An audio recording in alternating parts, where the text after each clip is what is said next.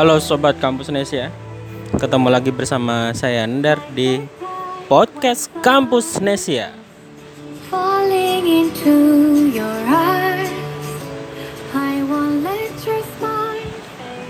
Kali ini kita ditemenin oleh lagu original soundtracknya The Interest of Love. Ini drama Korea yang tayang di di di Netflix ya, Netflix ya. Apa GTBC ya? Aduh lupa. Kalau nggak salah, pas uh, uh, podcast ini direkam tanggal 10 Februari 2023. Ini kayaknya udah episode terakhir ya, 4 eh 15 16 ya. Uh,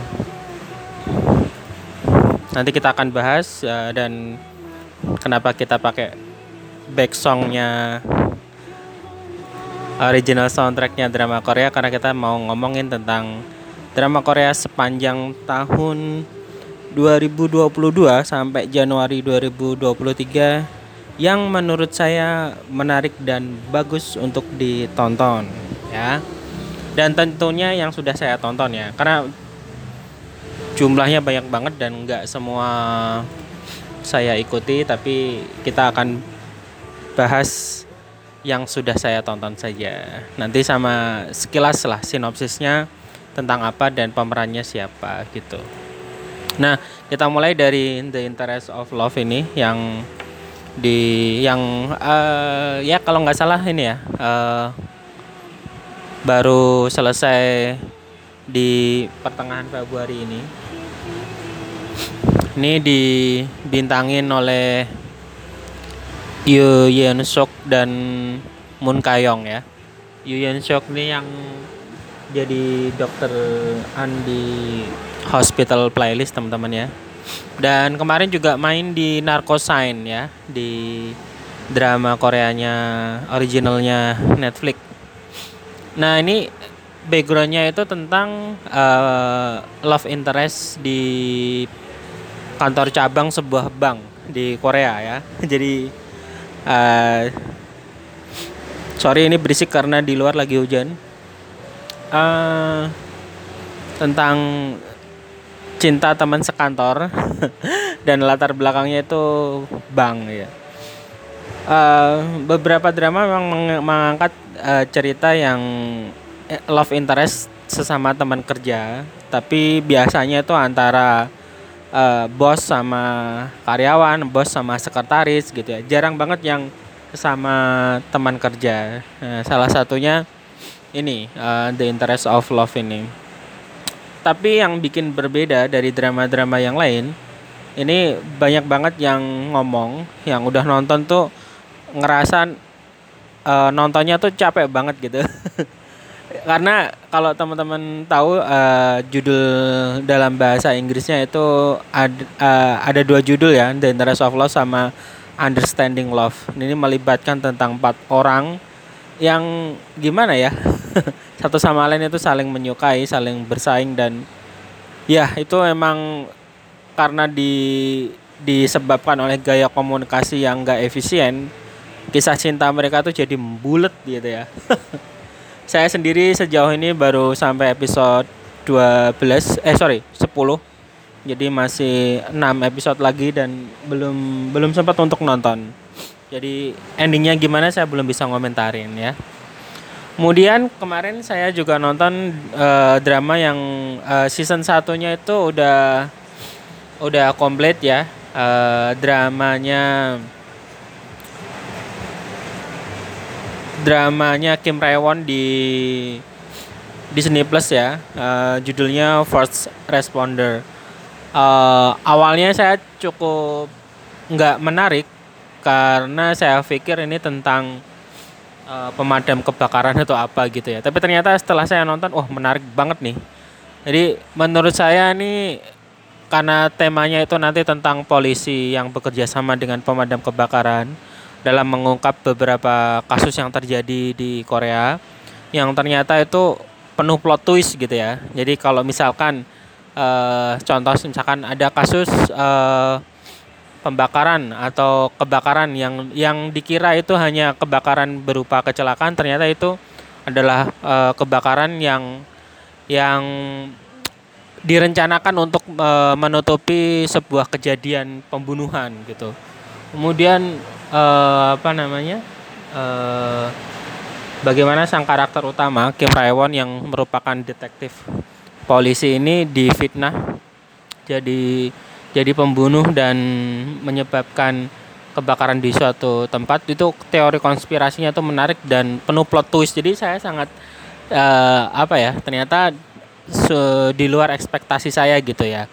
Tapi sayangnya endingnya tuh gantung karena katanya nanti bakal ada uh, season 2-nya. Uh, belum tahu ya. Uh, sejauh ini belum ada pengumuman kapan kapan akan uh, hadir lagi season 2 untuk uh, The First Responder ini dan tayangnya di Disney Plus ya.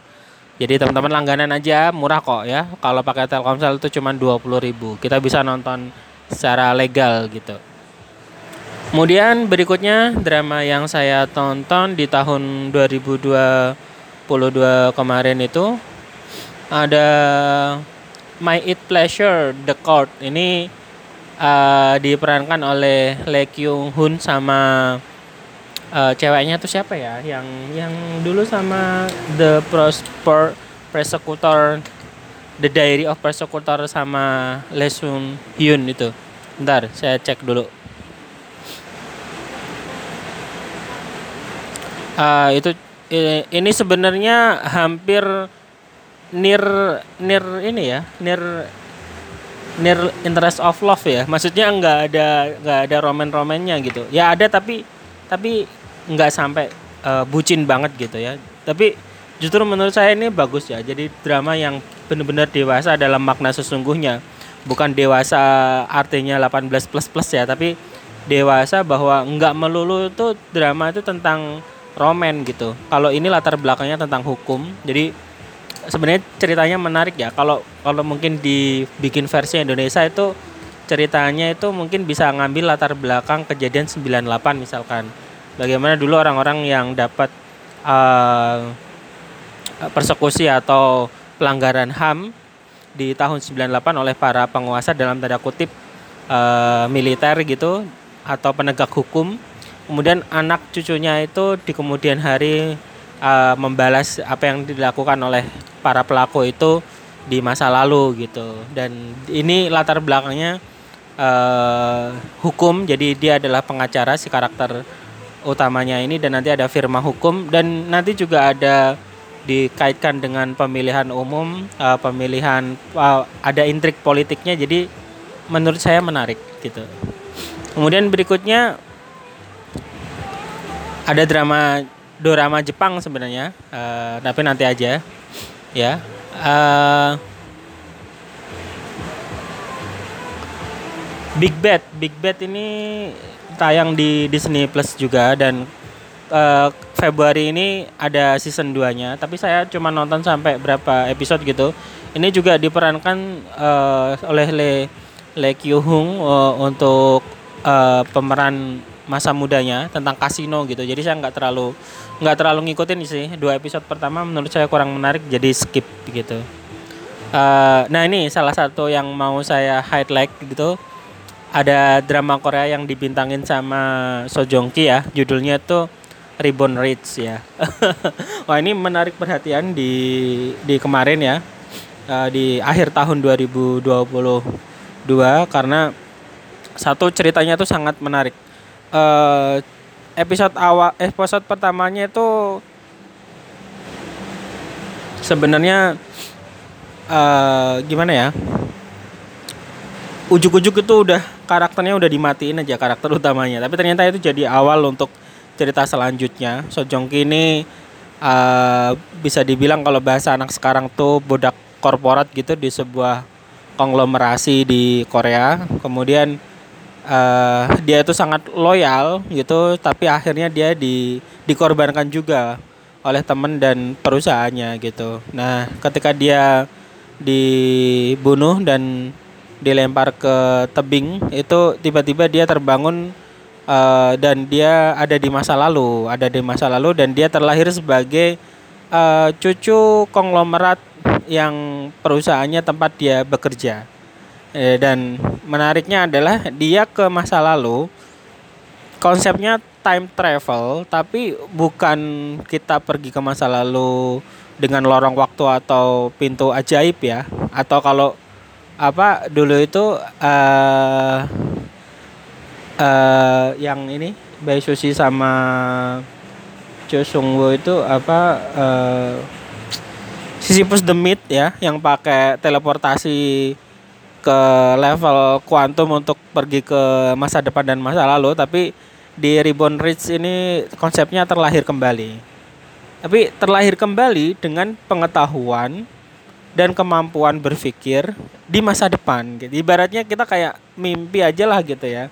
Tapi kita membawa kesadaran masa depan kehidupan yang sudah kita lalui ke masa lalu. Ini kan menarik karena nanti uh, ini Ribbon Ridge ini pinter banget dia ngambil temanya tentang ekonomi, perusahaan, investasi, kemudian juga uh, tentang peristiwa sejarah yang terjadi. Jadi dia ada di tahun 2022 dan dia kembali ke tahun 1987 di mana sebenarnya ini seumuran nih sama saya karakter yang di yang ditampilkan dan itu nanti settingnya bakal ada Olimpiade Korea kemudian ada krisis keuangan 98 di Korea dan segala macam. Terus kemudian momen-momen seperti uh, kelahiran uh, apa namanya Amazon.com di Amerika gitu.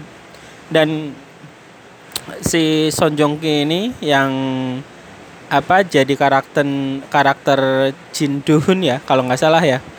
Uh, dia itu kemudian ingin mengalahkan si pemilik konglomerasi itu yang ketika karena keluarganya itu merasa dihancurkan karena konglomerasi ini dirugikan gitu ya yang keluarga aslinya. Dan dia terlahir sebagai cucu dan keluarganya dia itu yang di masa lalu juga didiskriminasi karena uh, sang ayah itu tidak dianggap anak karena tidak menuruti uh, perintah sang kakek gitu.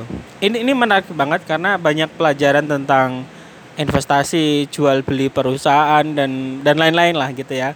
Dan entah kenapa dalam satu kesempatan ketika nonton drama ini kebetulan kemarin tuh lagi bikin cabang kedua untuk uh, sebuah usaha kecil-kecilan saya dan ya karena satu dan lain hal itu setelah beberapa bulan usaha itu kita putuskan untuk dijual dan ya jadi agak mirip cerita di Ribbon Ridge gitu ya bagaimana uh, Son Joong Ki itu melihat peluang ketika ada perusahaan yang potensial kemudian dia investasi dibesarkan ketika ada potensi udah untung dia dijual uh, jadi nggak harus di selamanya gitu. Menarik sih, menarik sih. Gitu teman-teman. Dan kita geser ke drama berikutnya. Itu ada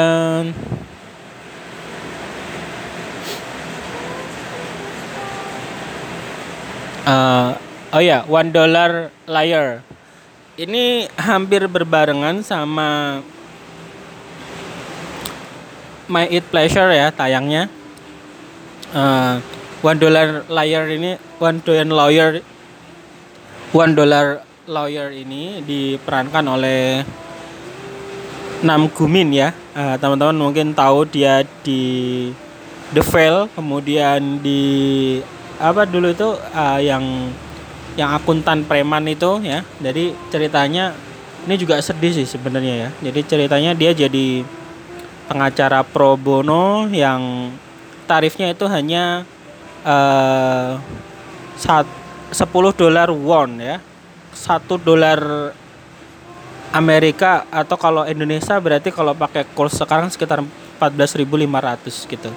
Jadi dia jadi pengacara publik yang yang menolong orang-orang yang nggak punya uang tapi ingin memperjuangkan keadilan lewat hukum dan sembari dia itu nyari orang yang telah menyebabkan uh, istri dan orang tuanya meninggal. Jadi ada konsep balas dendamnya juga. tapi dibungkus dengan tema-tema hukum. Jadi sebenarnya tahun 2022 kemarin tuh banyak banget ya bisa dibilang drama Korea yang mengangkat tema hukum. Tadi selain Wonderland Liar itu juga ada uh, Extraordinary apa namanya? Attorney ya yang uh, nanti kita bahas saya lupa pemerannya tapi dia adalah pengacara yang berkebutuhan khusus itu yang siapa ya pemerannya cakep banget pokoknya. Kemudian ada juga dramanya uh, Choi Siwon ya uh, Love is for Sucker ya. Cuman saya nggak nggak nonton. Cuman sampai episode 1 apa ya, terus kemudian nggak dilanjutin. Jadi mohon maaf. Kemudian ah ini yang menarik nih drama Korea originalnya uh, Netflix ya. Narcosign. Narcosign ini tentang uh, uh, pengedar narkoba asal Korea Selatan di Suriname. Nah ini ada nama-nama besar di dalamnya ya.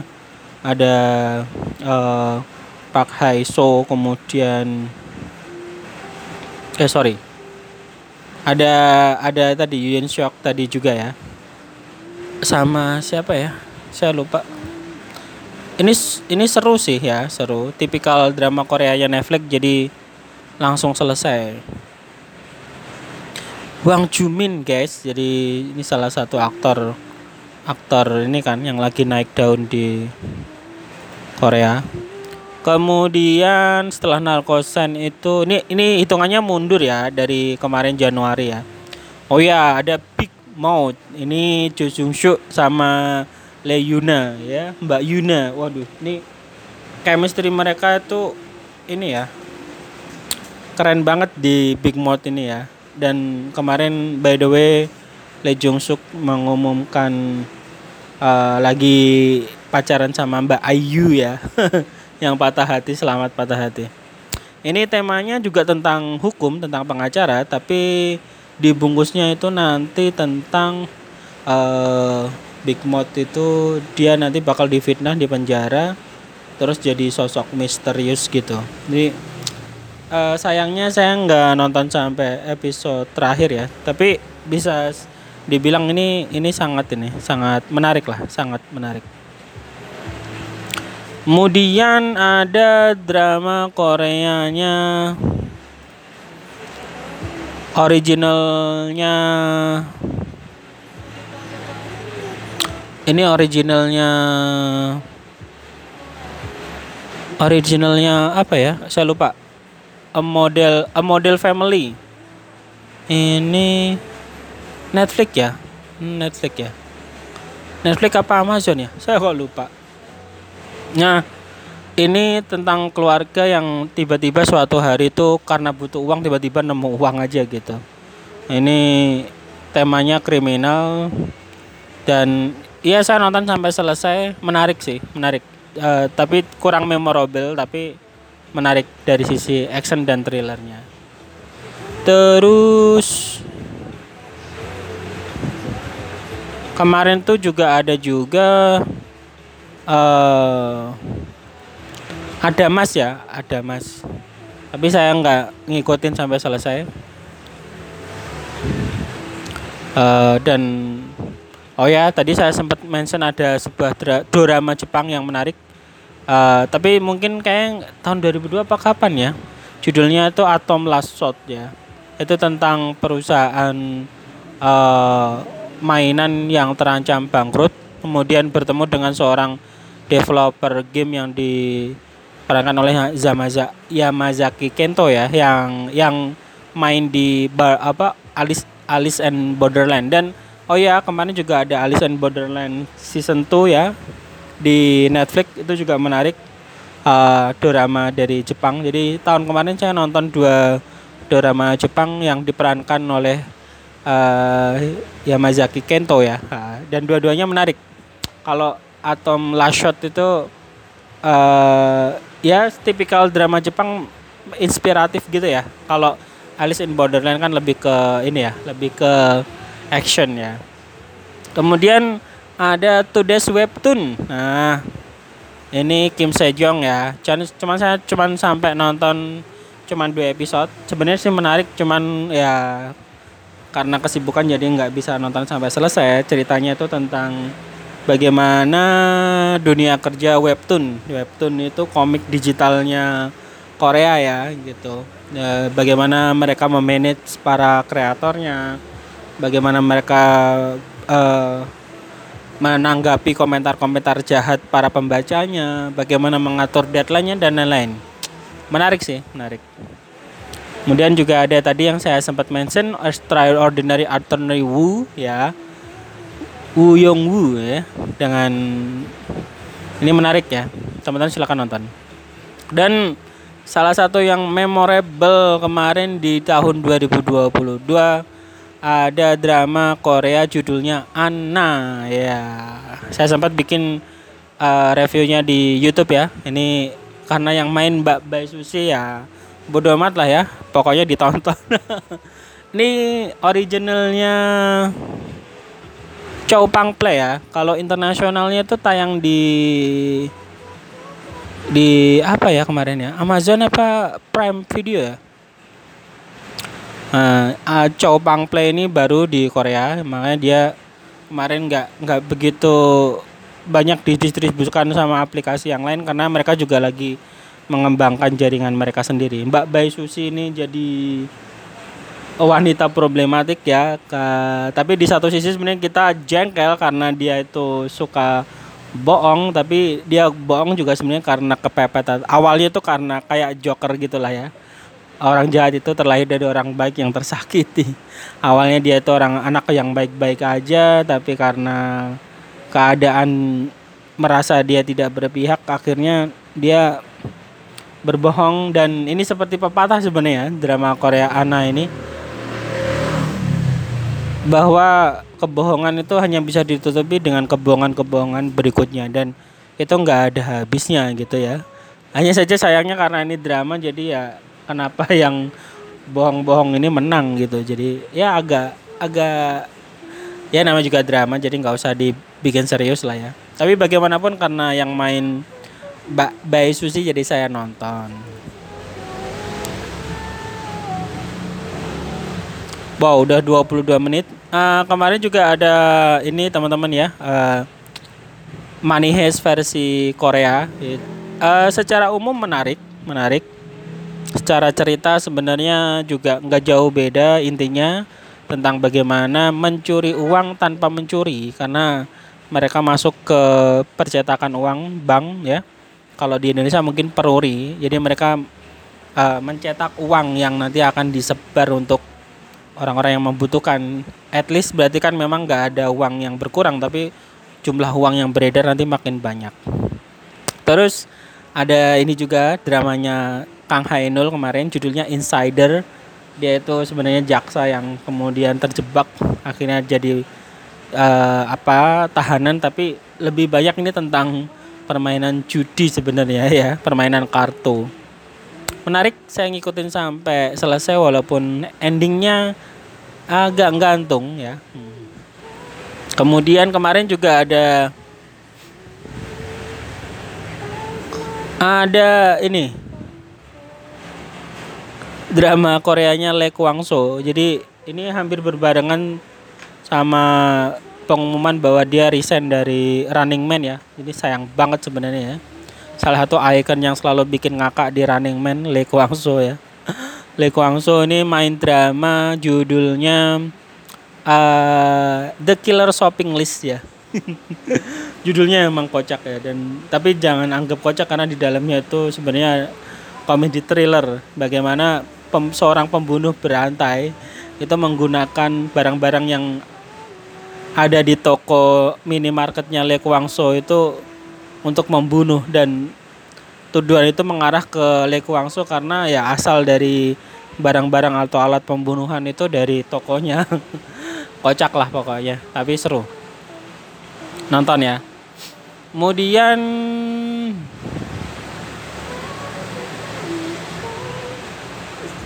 udah kayak ya uh, oh ada ini nih walk letter walk walk letter drink now. Cuman saya nggak nonton sampai selesai cuman dua episode.